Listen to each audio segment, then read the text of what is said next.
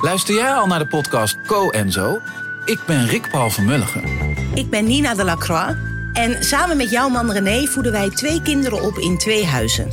Co-ouderschap. We hebben het over alles wat je daarin tegenkomt. Maar ook over de juice tijdens onze kinderloze dagen, want die heb je ook in het co-ouderschap.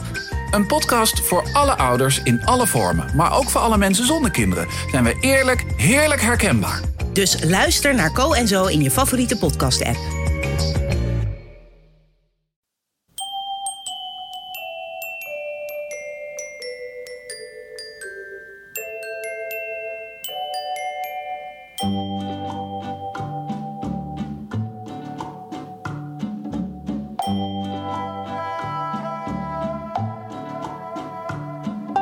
Welkom bij aflevering 111 van de Echt Gebeurd podcast, waarin waargebeurde verhalen worden verteld door mensen die ze zelf hebben meegemaakt.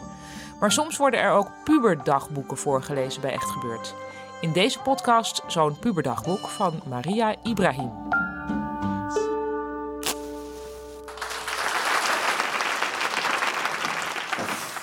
Um, nou, het, het, begint in. Uh, even kijken hoor.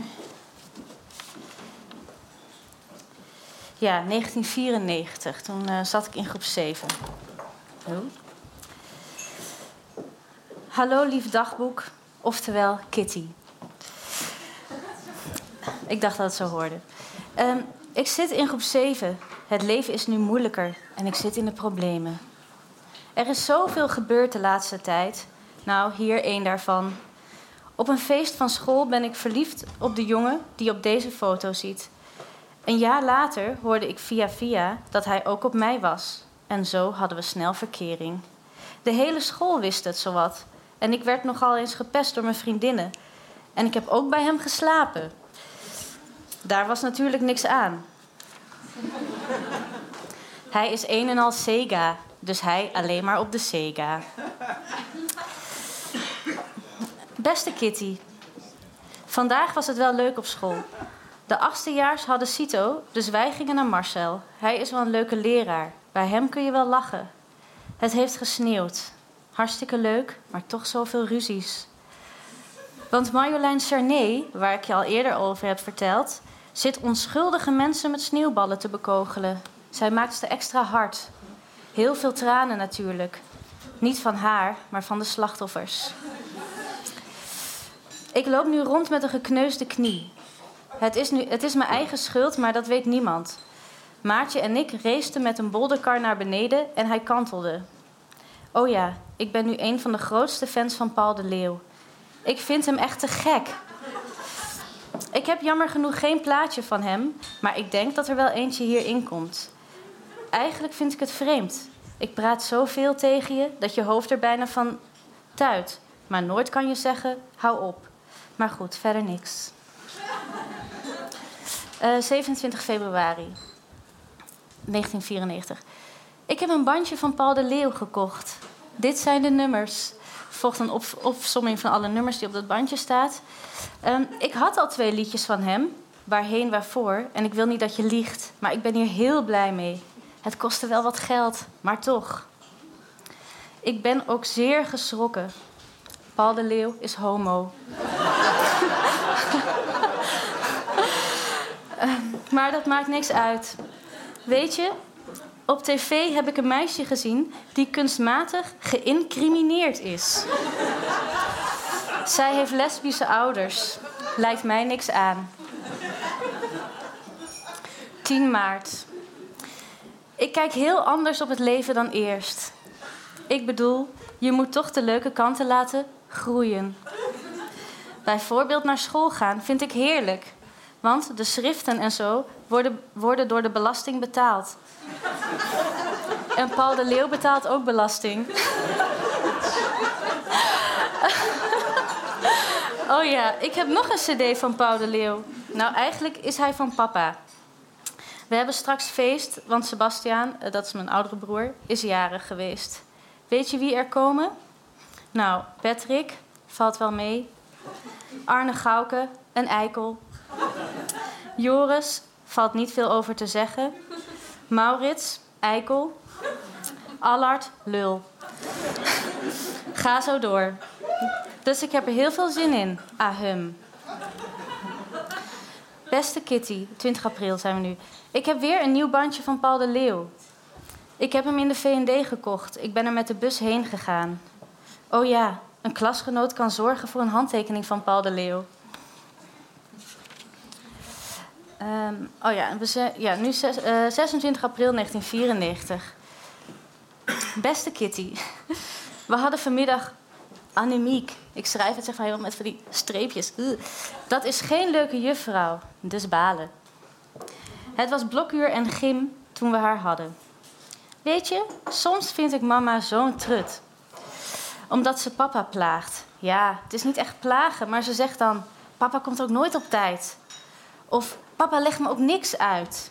Ik hou dan ook veel, veel, veel, veel en veel meer van papa dan van mama.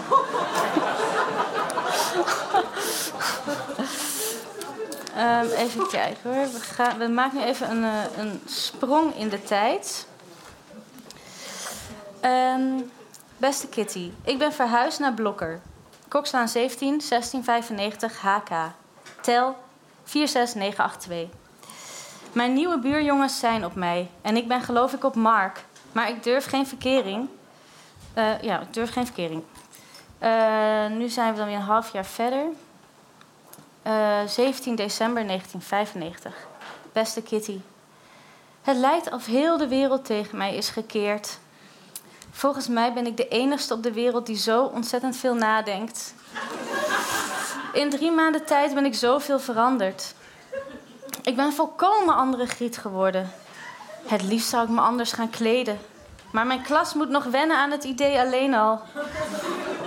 Je moet geen andere kleren aantrekken of je ligt eruit. Waaruit, dat weet ik ook niet. Alsof ik bij die stomme flapdrollen wil horen. Maar ik moet eten. Doei. Uh, nou, dit is de volgende dag. Uh, misschien wel goed om te vertellen, mijn broer heet Sebastiaan. Lieve Kitty, er zijn soms dingen waar je een hekel aan hebt, zoals afwassen, techniek, gym. Er zijn ook mensen waar je een hekel aan kunt hebben. En ik heb een bloed, maar dan ook een bloedhekel aan Sebastiaan. Hij maakt me zo ontzettend boos. Af en toe kan ik hem wel wurgen. En of ik nou lief voor hem ben of doe alsof hij er niet is, het maakt niet uit. Op school maakt hij me dikwijls aan het huilen. Uh, door bijvoorbeeld met zijn voet te tikken als we niks mogen zeggen. En ik er dus ook niks van kan zeggen. Dat joch haalt het bloed onder mijn nagels vandaan. Altijd zit hij met zijn vinger in zijn neus. Altijd zit hij te lachen. Hij doet altijd achterbaks. Altijd moet hij me jennen, plagen en treiteren. Zo, ik stop voor goed met dit onderwerp. Ik maak mezelf alleen maar aan het huilen. um, oh ja, dit is uh, december 1995. Morgen hebben we kerstontbijt op school. Ik heb er niet veel zin in, eerlijk gezegd. Ik ben meer geïnteresseerd in de musical die opgevoerd zal worden. De volgende musical hoop ik mee te doen. Soms droom ik van een volle zaal vol klappende mensen die mij te gek vinden. En dat ik bodyguards moet hebben omdat het anders niet te doen is. maar ja, ik moet eerst deze school maar eens afmaken. Ik hoop HAVO te gaan doen. Als ik, dan, als ik daarmee klaar ben, wil ik naar het conservatorium. Misschien word ik wat met toneelspelen. Dat weet ik nog niet. Het valt moeilijk te zeggen wat ik wil worden. Maar ik wil het al zo lang dat ik denk dat als ik groter ben, ik het nog steeds wil. Uh, 6 mei 1996. Beste Kitty, ik zweef, want ik ben zo verliefd. Mijn buurjongen en ik hebben afgesproken om aan elkaar te denken s'avonds in bed. Maar ik denk altijd aan hem. Mijn lievige, schattige, charmante Mark. Eerst vond ik het zo lullig voor Sonja, dat is zijn zusje, om met hem te gaan. Maar zij vindt het wel leuk. Dus hier is mijn comeback in de liefde. Je hopeloos verliefde Maria. Uh, eh, 10 mei. Ik had gisteren de bruiloftsreceptie van Mila's ouders. Op die receptie heb ik met Mark geschuifeld. Oh, ik ben zo ontzettend verliefd. Sonja vertelde mij dat Mark geen verkering met me durft te nemen, omdat hij bang is dat het weer uitgaat. Maar ik maak het niet uit hoor. Vandaag hadden we een familiereunie. Er was niks aan en het was niks vergeleken gisteren, maar ik heb wel 65 gulden gekregen. eh, hoi Kit, vandaag was het leuk. Vooral s'avonds, want toen was ik weer bij Mark. Het zielige is dat het nog steeds niet aan is. Dus ik heb geen zekerheid. Ik ga het hem denk ik morgen vragen.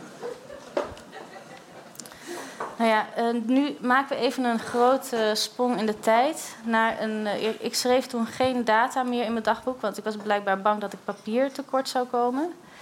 Maar het was in een periode die het beste samen te vatten is met uh, dat mijn e-mailadres darkmaria.hotmail.com was. Rust vinden in jezelf, blij zijn met jezelf. Ik ervaar het niet als een positieve eigenschap, voor mezelf dan wel te verstaan. Ik kan wel heel trots zijn op andere mensen. Ik denk dat ik bang ben dat als ik mezelf maar mooi of slim of wat dan ook zal vinden, er ooit iemand zou komen die me tegendeel zal bewijzen en ik helemaal niks meer heb. Ze zeggen wel eens dat je voor jezelf moet leven en je niets moet aantrekken van wat anderen van je vinden. Op zich wel logisch, maar aan de andere kant, deze samenleving is toch gebaseerd op een wisselwerking tussen mensen.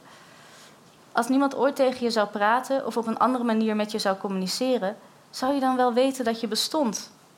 Je kunt jezelf al mooi vinden, maar anderen beslissen wat mooi is. Mensen die vol met tatoeages zitten, vinden dat zelf mooi, maar de maatschappij niet. En wat heb je er dan aan om jezelf mooi te vinden? Om kritiek langs je heen te kunnen gaan? Om je te kunnen verdedigen tegen kritiek? Ik weet het niet. Mensen reageren toch op je en daar kan ik niet tegen. Ik heb liever dat iemand zegt dat ik lelijk ben dan dat ik mooi ben. Als iemand me lelijk noemt, kan ik dat gebruiken om me sterk te maken en bij mezelf te denken: je liegt.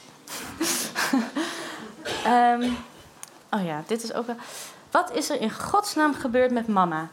Het lijkt wel alsof ze een zenuwinzinking heeft. Ze vertelt toch ook niet wat zij gaat doen? Daar moet ik toch ook naar vragen? We worden nu eenmaal groot. Iedereen heeft zijn eigen leven. Daar heeft ze zich maar bij neer te leggen. Ik weet ook niet wat ik hiermee aan moet. Ik zou ook liever hebben dat het allemaal anders was. Maar dit hoort nu eenmaal bij het leven. Ik wou dat ze weer zou gaan roken. Want dit is niet uit te houden. Ik ben blij als ik het huis uit ben. Ik heb dit niet verdiend.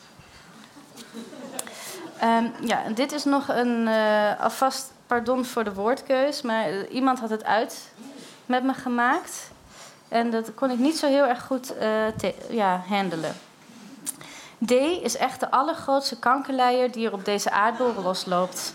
Wat een eikel.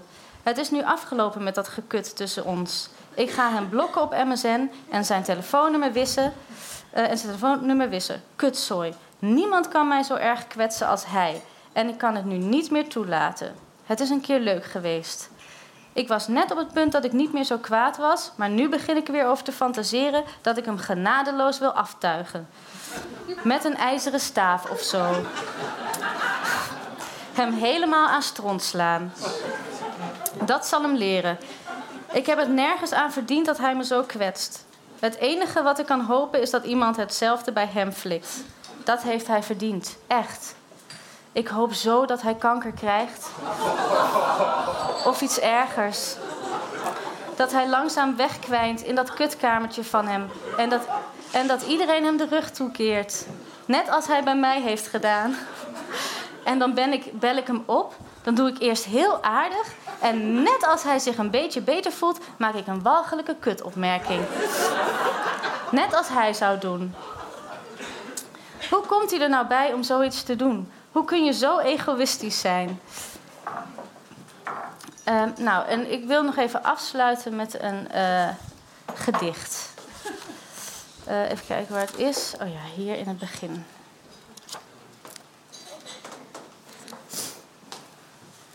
Waarom zou ik opstaan?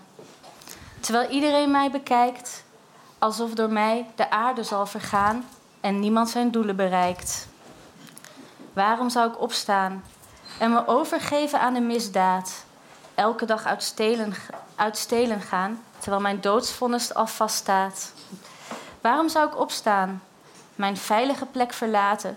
Ik kan het leven niet aan als anderen mij haten. Waarom zou ik opstaan en weer een dag bederven. Ik heb niks gedaan en zal toch moeten sterven.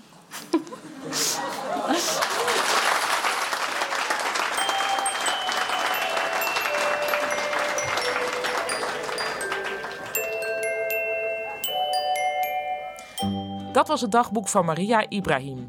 Kom ook eens voorlezen uit je puberdagboek. Of kom luisteren naar iemand anders die dat doet.